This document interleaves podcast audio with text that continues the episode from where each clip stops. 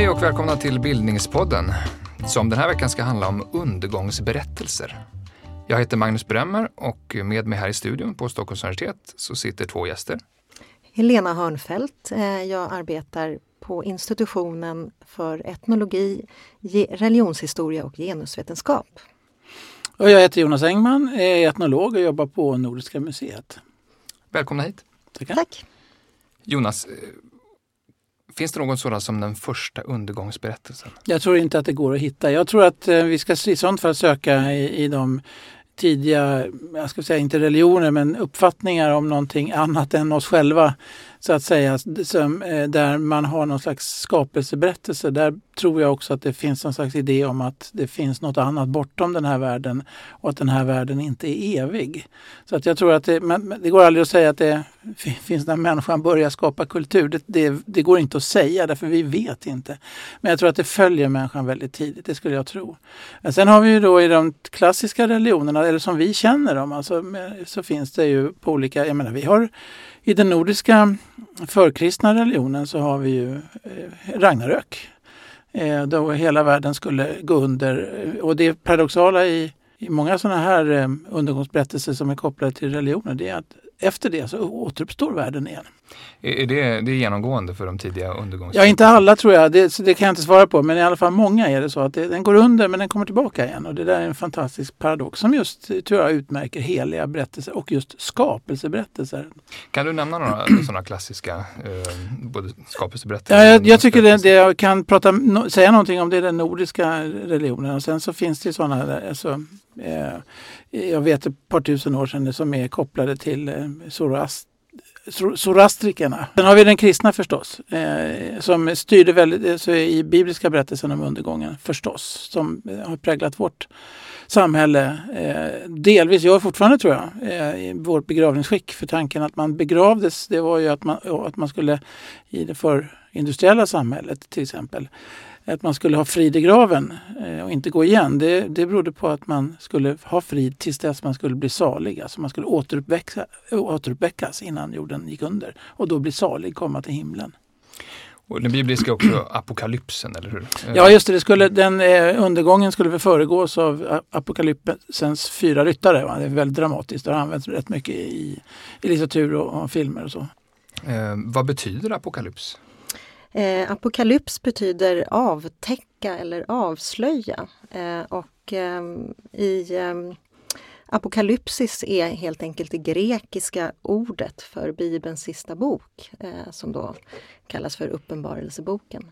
Fast apokalypsen i Bibeln betyder ju inte riktigt jordens undergång utan eh, apokalypsen eh, handlar just om eh, det här att eh, avslöja eller liksom ta bort gränsen mellan himmel och jord som jag har förstått det. Eh, och att vi då ska få se världen ur Guds perspektiv. Eh, och eh, i första hand så handlar det om att allt ont eh, ska gå under. Eh, det är inte slutet för människan utan det är slutet för ondskan och lidandet. Eh, Står lite grann i motsats till eh, postapokalyptiska filmer så, om jordens undergång som ja, är populära precis. idag. Mm. Eh, som väl är i stort sett tvärtom. Kan man säga någonting om hur det ordet fick den senare betydelsen? Eh, som jag har förstått det eh, så har det liksom kommit att blandas ihop med den här uppenbarelsen Johannes fick när han satt landsförvisad på ön Patmos. Av den här uppenbarelsen så kom hans uppenbarelse då att ge namn till um, Johannes apokalypsen, som jag har förstått det. Kan man säga något men, men apokalypsen handlar om vad ska säga, den yttersta tiden och de dramatiska händelser då som ska ske innan eh, Messias ankomst. Kan man jämföra Uppenbarelseboken med andra tidiga undergångsberättelser? Så? Finns det några gemensamma drag? Eh, jag tror att man ska se det så här när det gäller sådana berättelser eh, som är kopplade till religiösa föreställningar. Rätt många som eh, är, det är att de ofta kan bli paradoxala. Att vi talar om dem som undergång, precis som Helena sa, men de är inte det. Här är det att sanningen ska avtäckas om allting. Men, och det är en parallell till den nordiska religionens Ragnarök. Fast man talar där inte om apokalypser och sanningar. Men att, att det, som, det, ska, eh, det, det gamla går under med de här eh, eh, urväsendena så att säga. Som fanns i den nordiska religionen. Och så kommer människan på scenen som en sorts, inte räddare men i alla fall, så då föds människan. Det, det, finns, alltså det finns ju ett liknande drag, att det föds någonting på nytt. Det kommer någonting ny, en förnyelse i, i det. Eh, och det, det, är ju väldigt viktigt att tänka sig att den sortens, i den sortens berättelse finns det en sorts löfte om någonting. Bortom vår tillvaro. Ser vi på undergångsberättelser idag, eh, under modern tid, eh, hur länge vi nu ska låta modernitet och modern tid gälla då, men som inte är kopplade i vårt land till kristenheten till exempel, så är det ju berättelser där allting försvinner. Vi har inget hopp framåt. Det, liksom, vi har inte någon eh, för, vi talar inte så mycket om något liv bortom detta. Och det är ju ett, ett existentiellt problem som på det sättet har det nog inte funnits förut, i alla fall inte i våra trakter. Om man tänker eller vill du säga något? Där?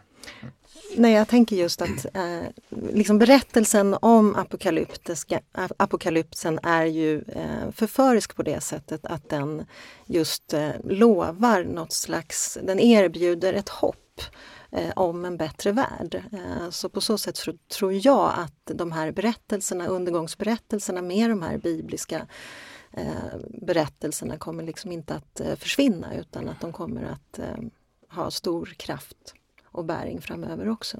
Om man tänker i äldre svensk historia, vilken typ av funktion har den här typen av berättelser haft?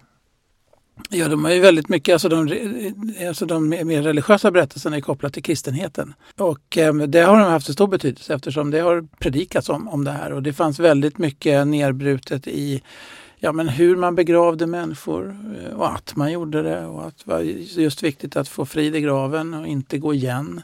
Det fanns mängder av tekniker för att undvika att människor gick igen till exempel och blev gengångare.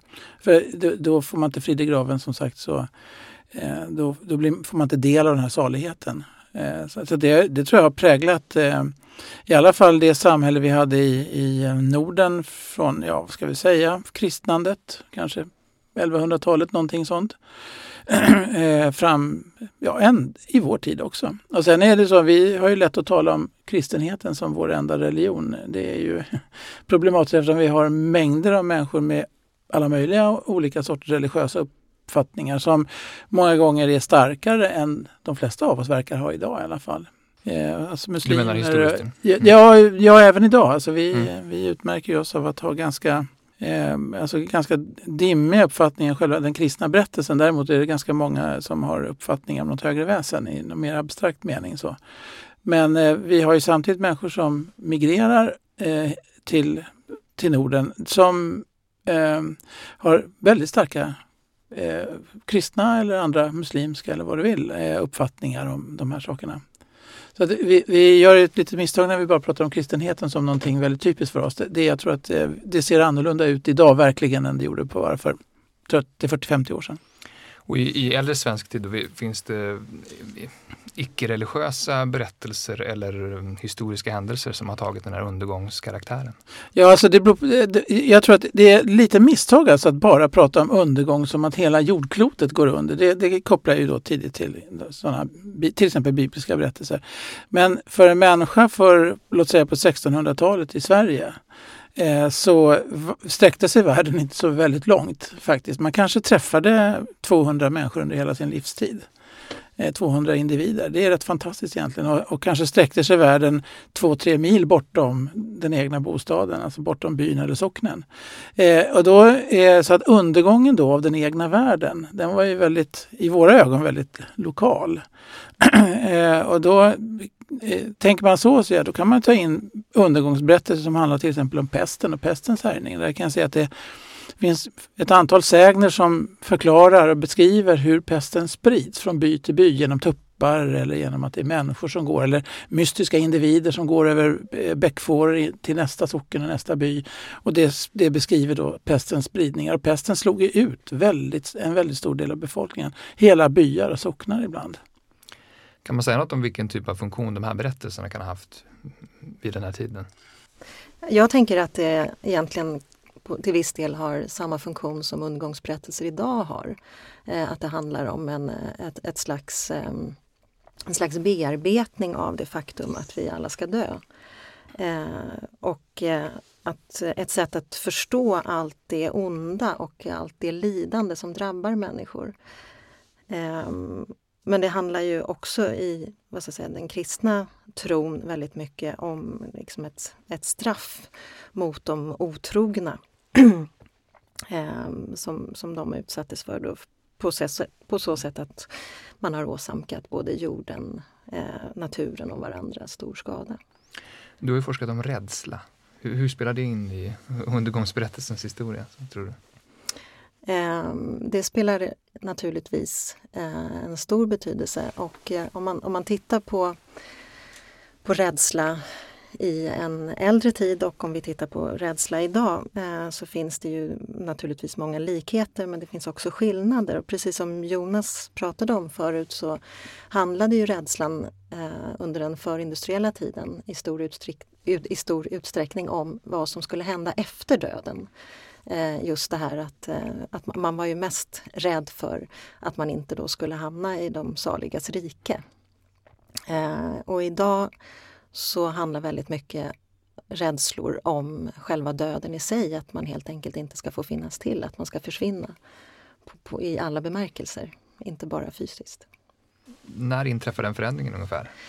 Eh, det går kanske inte att säga exakt i tid eh, när den förändringen inträffar men det handlar ju väldigt mycket om tron helt enkelt. Att, att, um, tror man inte på ett liv efter detta så, så, så, så blir döden också mycket mer skrämmande i sig.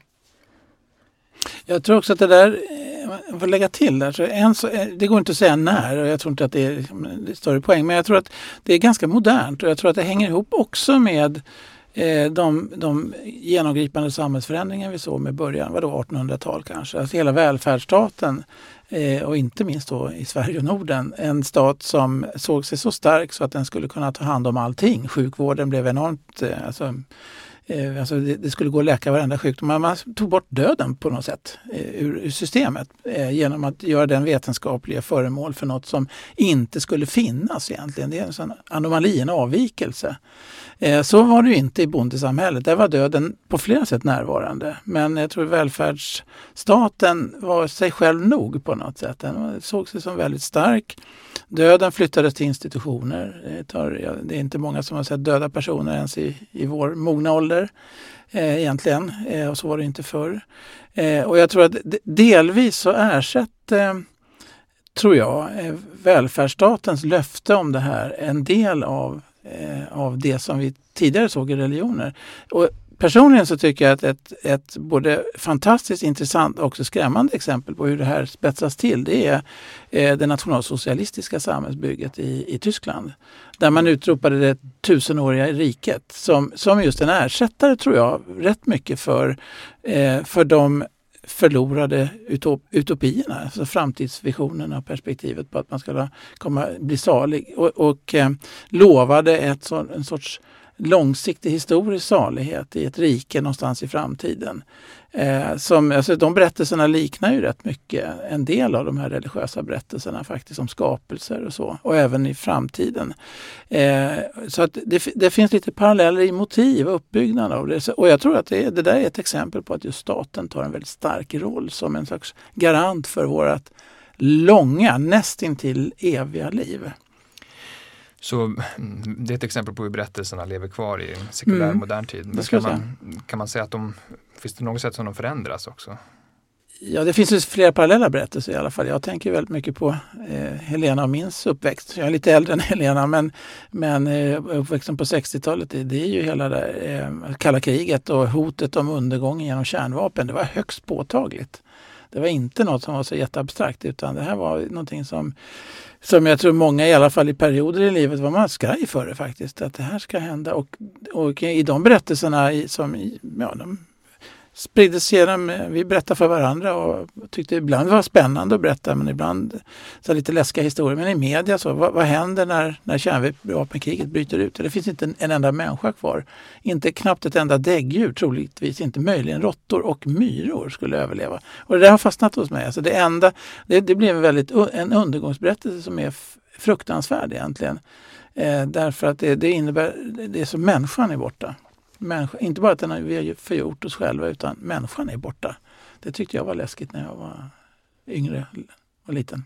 Det satte ju starkt avtryck i populärkulturen också. Mm, är, har det ofta hängt ihop? Alltså, du nämnde pesten tidigare. Att, äh, hänger undergångsberättelsen ihop med ett, liksom ett verkligt yttre hot ofta? Nej, det tror jag inte. Eller vad säger du Helena? Eh, eh, det är ju svårt att, att, säga om man tittar historiskt på det. Eh, det. det. vet vi ju inte så mycket om egentligen. Vi har kan ju vara individuella också. ja precis, men vi har ju bara berättelserna om tiden, alltså om historien. Vi vet ju faktiskt inte riktigt, om man skulle titta på det naturvetenskapligt Eh, i vissa fall i alla fall så kan vi inte säga det. Men, men samtidigt idag så om vi, om vi tittar på, på kalla kriget och eh, atomhotet och vi tittar på klimathotet idag eh, så, så, visst finns det ett reellt hot av, något slag, det kan man ju inte komma ifrån. Men sen samtidigt så så, så är ju, liksom lever ju berättelserna sin egen, sitt eget liv på något sätt. Eh, och eh, fyller väl snarare då funktionen att eh, förbereda sig just på eh, eh, förändringar och eh, ja, st stora liksom, globala samhällsförändringar som, som vi nu till exempel genomgår och som vi gjorde också då efter andra världskriget. Så vi har både samhälleliga hot och individuella hot som har spelat in i den här undergångsberättelsens historia. Eh, finns det något som är mer skrämmande? Ja, min uppfattning är att det är mer skrämmande med civilisationens undergång än den individuella döden. Eh, på så sätt att, eh, att man då liksom föreställer sig eh, en, en tid när allting har dött ut, vilket också inkluderar även ens barn. Man kommer inte på något sätt leva vidare. Allt det man på något sätt har gjort under sin livstid har på så sätt varit mer förgäves än, än om man har något som lever vidare. Det tror jag. I, i, I mer samtida postapokalyptiska berättelser som Cormac McCarthys Vägen och så är det den porträtterar ofta ensamma människor i, i skuggan av det här stora hotet eller den stora undergången. Människans litenhet, eh, är det ett genomgående tema? Eh, ja, eh, jag tänker att det är ett genomgående tema. Eh, dels handlar det ju också dels handlar det ju om, alltså det finns ju kopplingar till det religiösa eh, motivet i undergången på något sätt. Att, att, att man på något sätt är väldigt liten inför Gud. Eh, och man är väldigt liten inför eh, jordens på något sätt eh, förmåga att straffa oss eh, för det ont vi har gjort. Eh, men det handlar också, tänker jag, om att eh, människan i, vid civilisationens slut på något sätt förlorar sin empatiska förmåga, förlorar sin moral eh, och bara ser till sitt eget bästa eller sin egen överlevnad. Och det här tror jag är någonting som många uppfattar som oerhört skrämmande. Både i vägen och i andra samtida berättelser är det ja. ofta ett hot från andra människor Precis. också. Är det liksom att vi förlorar det, det där som är, vi tycker är civiliserat hos oss så att säga? Precis. Och det tycker jag man kan också se i, vid stora katastrofer som har hänt som har drabbat Sverige, till exempel vid Estonias förlisning eh, så förekom det ju väldigt många berättelser från överlevande som dels då berättade om hur fruktansvärt det var att ha bevittnat just hur människor såg bara till sig själv och övergav, lämnade, gick över skadade för att eh, klara sin egen livhank. Och de här berättelserna skapar väldigt, väldigt mycket eh, rädsla tror jag hos människor. Så det är inte bara att, att, vi inte, att vi ger upp varandra, att det solidariska på något sätt. Det är inte bara eh. postapokalyptiskt, det är postcivilisatoriskt ja, också på något sätt. precis. Eh. Har du någon tanke om det? Ja, nej, men just det. Jag kan tänka mig att det rent dramaturgiskt är väldigt effektivt att man ställer sig utanför alla, alltså all etik och all, eh, all civilisation och blir amoralisk och blir någon slags eh, eh vi, är kvar som någon slags biologisk överlevare på, på jorden och är dömda att misslyckas och bo i ett betongrör ute i skogen. Alltså det är inte så mycket, mycket lång överlevnad vi har. Men samtidigt så tror jag, alltså, tittar vi historiskt nu under 1900-talet eh, så tror jag att alltså upplevelsen i undergångsliknande situationer. Jag tänker på hela eh, förintelsen, till exempel första och andra världskriget och så. Det var inte att man var ensam. Ja, inför döden är vi ensamma, men utan det här var kollektiva dödar. Och det är också berättelser om kollektiv som, som dör. Och så finns det individuella hjältar och hjälteberättelser. Det, men men alltså det, det, finns ju något som står emot den där berättelsen om den ensamma som finns och det är det kollektiva. Mm. Eh, och det där jag tycker, det, det, jag ser nu i det här vi pratar om det är också att det finns en väldig spänning mot den ensamma övergivna och som överger allting. Mm. Och den här kollektiva principen som stämmer väldigt bra med hur vi har byggt våra samhällen under ja, i moderniteten, alltså säg 1800-talet och framåt. Det är kring olika alltså olika sätt att leva kollektivt, att organisera oss kollektivt och bli starka kollektivt. I de här apokalyptiska gestaltningarna eh, så är det ju nästan alltid så att eh, det är några få överlevande människor. Eh, och på något sätt så handlar väldigt mycket om de här apokalyptiska berättelserna om att jordens undergång sker inte förrän människan har dött ut. Eh, det är, det är en väldigt antropocentrisk bild som förmedlas i de här berättelserna. Alltså människoorienterad? Människoorienterad, precis. Och det tycker jag är väldigt intressant att, att det, det är liksom människans död och människans slut. Om jag får hoppa in. Jag tänker så här att eh, alltså det som jag tänker på som existentiellt det är inte min egen död nödvändigtvis utan det är den tillvaro så som jag känner den. Det vill säga det är samhällets slut. Eller civilisationen som man så vill. Eh, och, det, och det är det på något sätt vi, vi hanterar hela tiden de här berättelserna. Det är slutet på vårt samhälle. Mm. Gränsen för det. Mm. Längre än så kommer vi liksom inte i, i vår tid tror jag. jag, jag vi kom längre eh, i, i Sverige och Norden och i, ja, i, i, den kristna världen. Därför då kom vi också till himlen. Mm. Vi kunde se bortom det. Men idag kan vi inte se bortom. Så att det existentiella problemet när, när samhället går under, det är verkligen ett existentiellt problem. Eh, och där, därför tror jag att det är så upplevelsen och erfarenheten av att vara skraj för sådana saker under 50, 60, 70, 80-talet i vår tid är ganska, kan vara mycket annorlunda än det var för 200 år sedan. Kan du säga något om den skillnaden? Ja, alltså, kvaliteten är väldigt svårt att uttala sig om men jag tror bara perspektiven att man att Eh, att vi har ett liv som förhoppningsvis sträcker sig då i vår tid kanske 80 till 90 år. Våra barn kommer bli 100-110 läste jag. Men, eh, men eh, kanske 80-90 år eh, så betyder det att om vi inte har någon föreställning om att vi kommer vidare och blir saliga så, så är det inte så konstigt att vi då är väldigt upptagna att förverkliga våra liv när vi lever. Allting koncentreras dit. Medan man förr eh, under 200 år sedan då, då eh, i alla fall hade någon föreställning om att man kunde bli salig. Så förverkligandet låg ju inte nödvändigtvis i att bli lycklig och, och ja, det går inte att prata om att man hade lyxvaror i vårt bondesamhälle. Det, det var ett av de fattigaste samhällena i Europa. Men, men i alla fall, det var inte där i den i levda världen som var själva uppfyllelsen av våra liv utan det var sen. Och det, det, finns någon som har skrivit om det som, som lite brutalt påpekar att det förmodligen borde det ha varit en skillnad alltså då att, att, eh, att ha blivit av med en arm eller, eller så. Vilket var, inte alls var ovanligt att människor var skadade för det. Eh, för att man hade alltid en förväntan om att gå vidare. Men idag att bli av med en arm, det blir, det blir så mycket tuffare så att säga. Det var den enda armen man någonsin... Ja, du kommer inte få någon mer. Nej. Du kommer inte återfödas i någon fullständig eller någon fri, fri känsla. Det tar slut en dag. Så att det, då blir det en större katastrof. Om det nu går att jämföra så här, det tror jag egentligen inte. Men tanken är rätt intressant. Kan man säga att, man, att vi har varit rädda för olika saker genom historien? Eh, ja, det har vi absolut varit. Eh, och som, som jag sa tidigare då, den, den stora rädslan eh, tidigare innan industrialiseringen var ju just rädslan för att man inte skulle komma till himlen. Eh, och eh, sen var det ju naturligtvis också så att eh, precis som Jonas pratade om tidigare, att, att det man var rädd för det var ju det som fanns väldigt lokalt i närheten.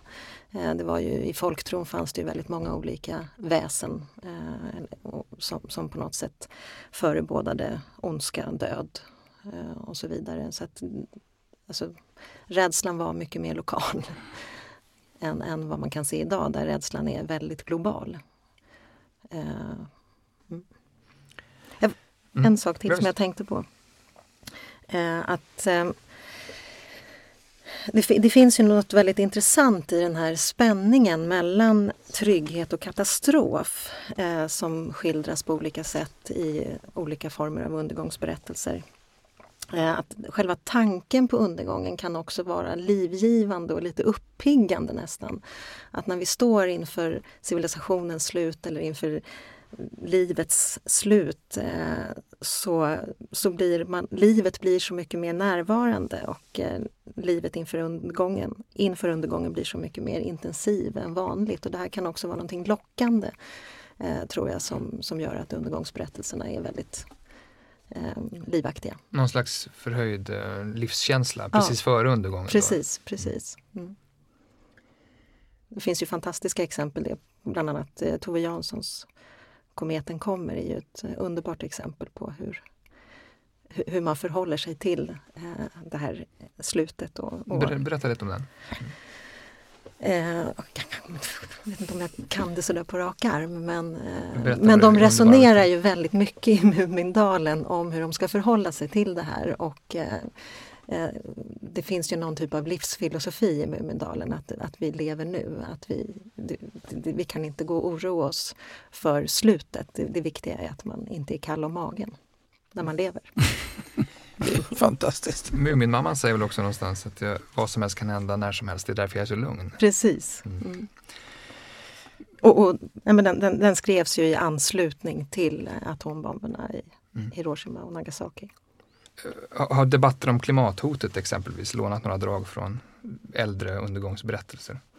Ja, det tycker jag man kan säga. Eh, när man läser artiklar, eh, tittar i tidningen, tittar på bilder om klimathotet så förekommer det gärna bilder på bränder, uttorkade lands, landsändar, åkrar, uttorkade floder och så vidare.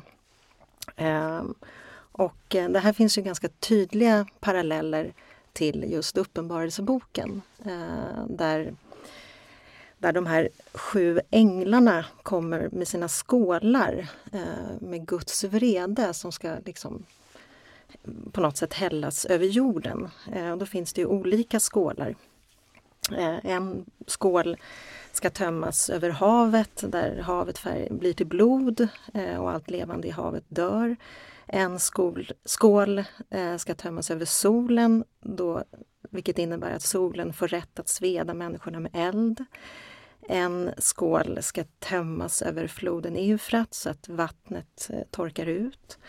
Och en sjunde skålen ska eh, eh, hällas över luften eh, vilket då innebär att det kommer blixtar och åska och en väldig jord, jordbävning. Så att det finns ju tydliga paralleller tycker jag till det. Mm. Varför tror ni att eh, berättelserna lever kvar så att säga, över tid eh, och återkommer då på det här sättet? Det är ju en jätteintressant fråga eh, som jag har funderat en del på och eh, jag, jag, tror att det handlar just om att, eh, att det är någonting, det här förföriska med den här typen av berättelser att, att efter undergången, efter slutet så kommer det en bättre värld. Även om vi inte tror på livet efter döden så, så finns det ändå möjligheten till ett, en ny värld, en ny start. Den här höst, eller? Det finns en annan eh, parallell mm. eh, från de här klassiska undergångsberättelserna. För om man tänker klimathotet eh, så är det väl ganska orealistiskt att tänka att klimathotet ska innebära att eh, jorden eh, tar slut med en stor knall. Men ändå är det liksom så det framställs på något sätt, att det händer någonting väldigt snabbt. Och att eh, de här berättelserna eller filmerna till exempel skildrar just tiden efter den här stora knallen. Så på så sätt så tänker jag att det finns också paralleller med de klassiska undergångsberättelserna vilket inte riktigt är realistiskt. Och vilket också skiljer sig från väldigt många av de här undergångsberättelserna som skildras i filmer och böcker till exempel. Eh, alla de här filmerna om olika virus eh, som smittar jordens befolkning så att alla dör, eller nästan alla dör. De är ju å andra sidan väldigt, väldigt realistiska.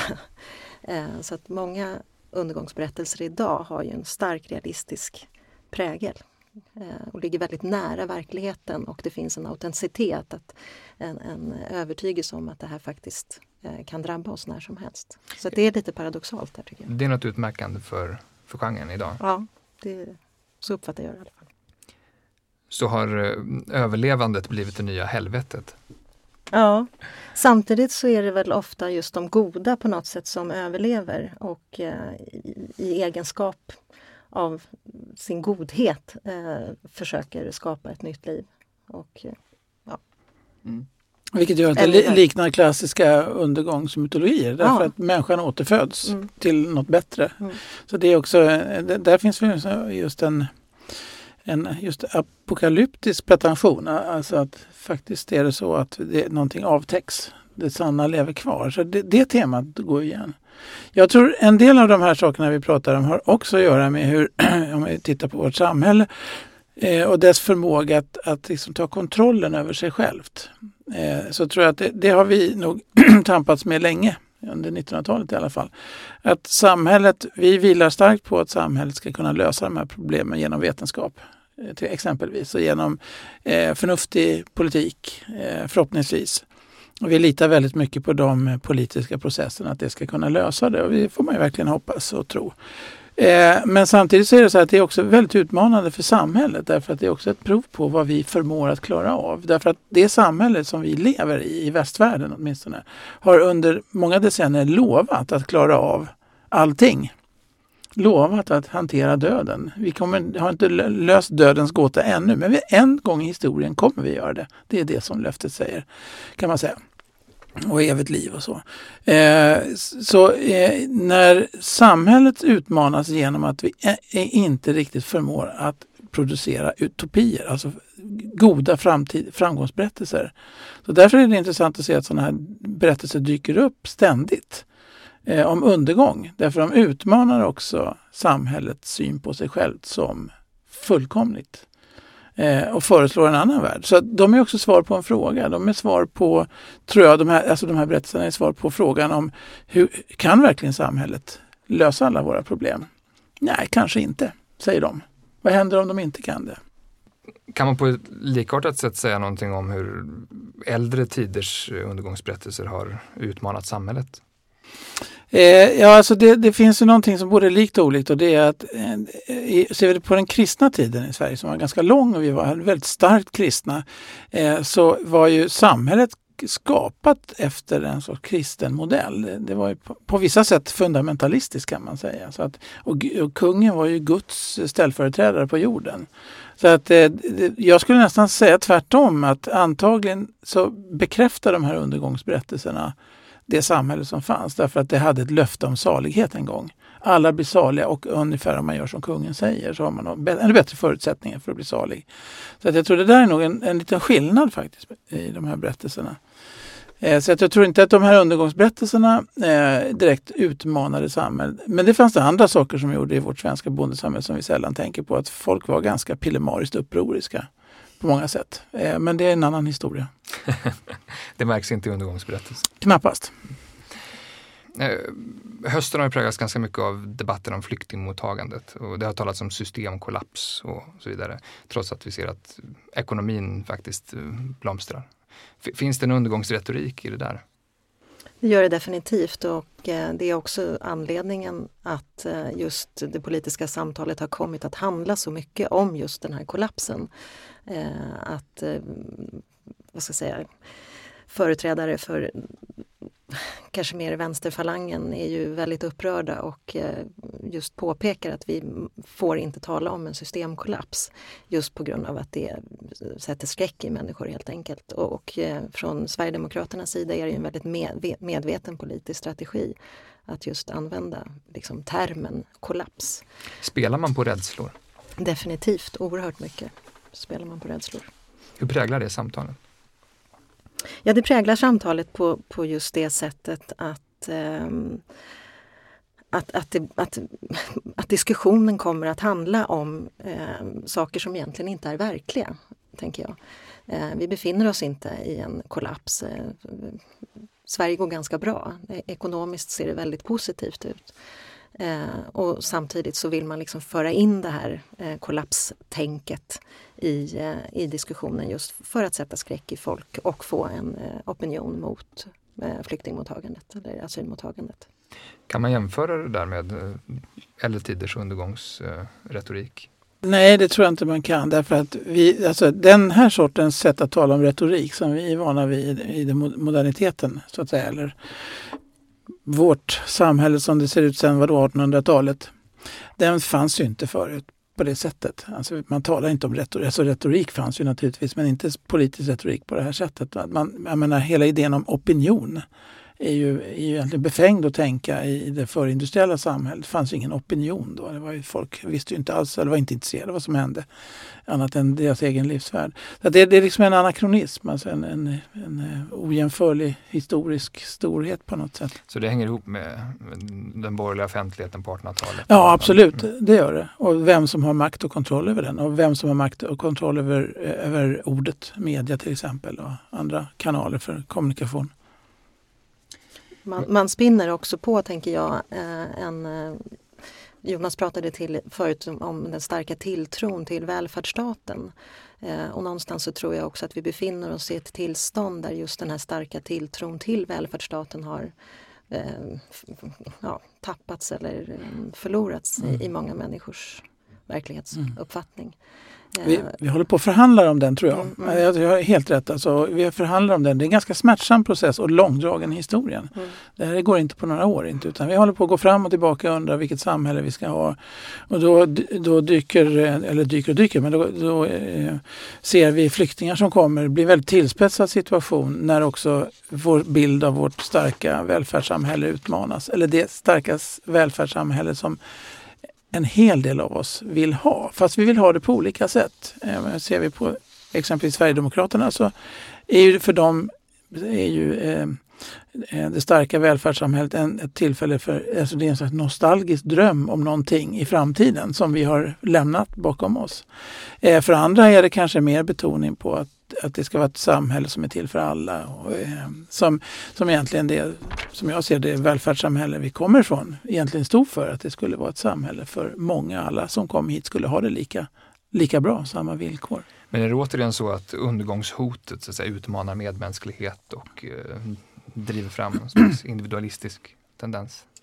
Ja, eh, samtidigt är, har vi redan ett individualiserat samhälle. Eh, vilket har inneburit att, eh, liksom, att, det, att, det, är väldigt svårt att agera solidariskt och kollektivt.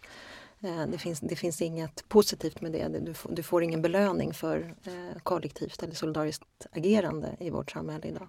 Och det här innebär ju också att väldigt många av de lösningar eh, som människor ser i relation till undergång eller eh, katastrof, eh, de, de, blir väldigt privatiserade och individualiserade.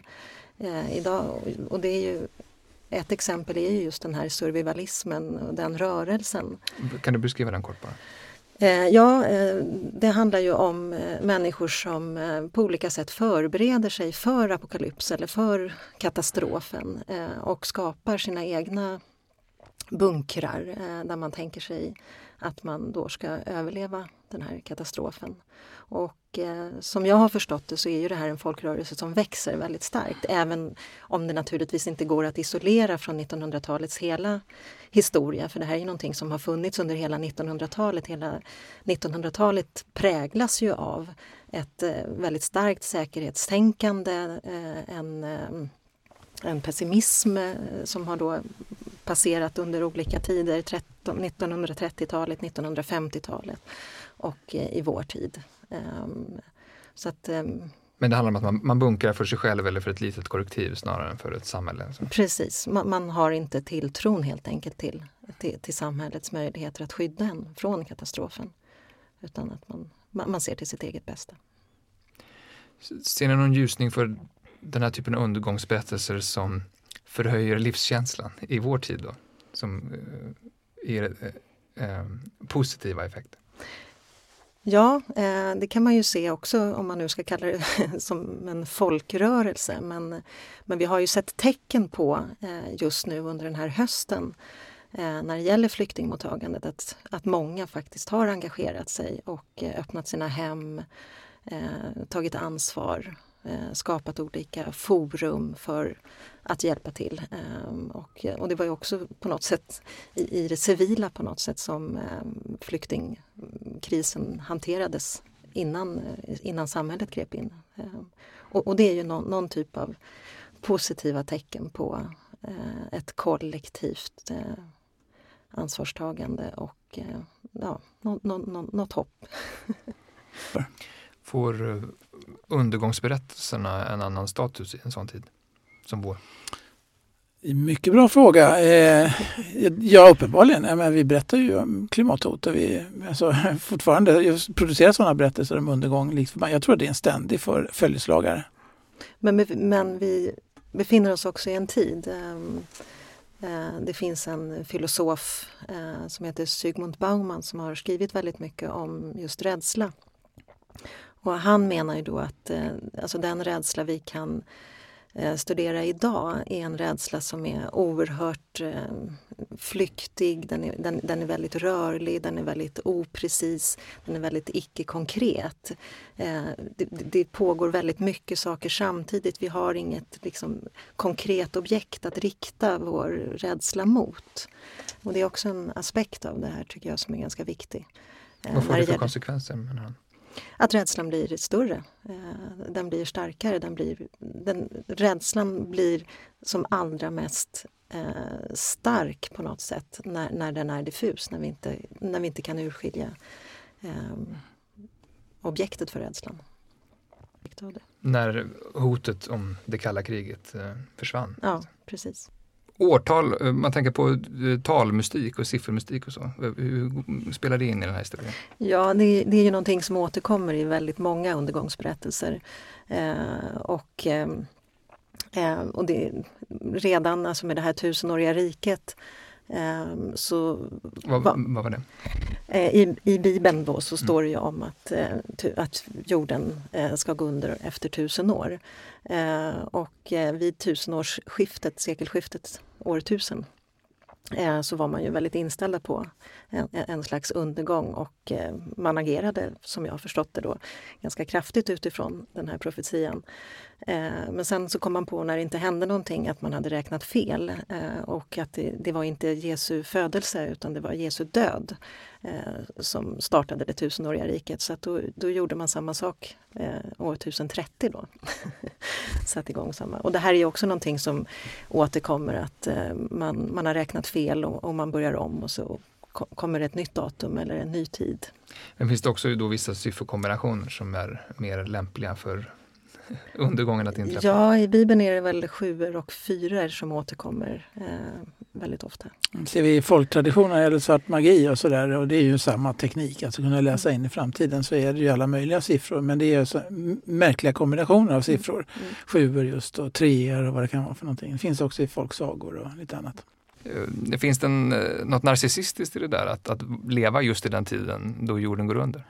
Ja, det gör det säkert, skulle jag tro. För det måste ju vara att man är helt utkorad och fullständigt unik i mänskligheten. Så det skulle jag väl tro.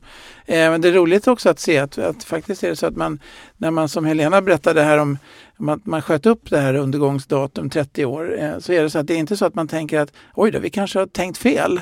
Utan man säger nej, då, då har vi räknat fel. Utan man, man, man kan inte ha fel. Men det säger också någonting om hur fundamentala de här eh, alltså föreställningarna om världens skapelse och undergång har varit och för många är. Alltså de bibliska berättelserna till exempel, att de är verkligen en sanning. Och därför återkommande? Därför återkommande och därför viktiga för väldigt många människor. kan vi tycka det är bra eller dåligt, men det, de är viktiga. Det får avsluta Bildningspodden för den här gången. Tusen tack Helena Hörnfeldt och Jonas Engman för att ni tack, var med. Tack. tack så mycket. Och tack för att ni har lyssnat. Fler avsnitt finns som vanligt på bildningspodden.se och ni kan följa oss på sociala medier så berättar vi mer om kommande program och våra gäster. Du har lyssnat på Bildningspodden, en podcast från humanistiska fakulteten vid Stockholms universitet. Producerad av Magnus Bremmer och Claes Ekman Podden spelas in på Språkstudion och tekniker är Henrik Nordgren.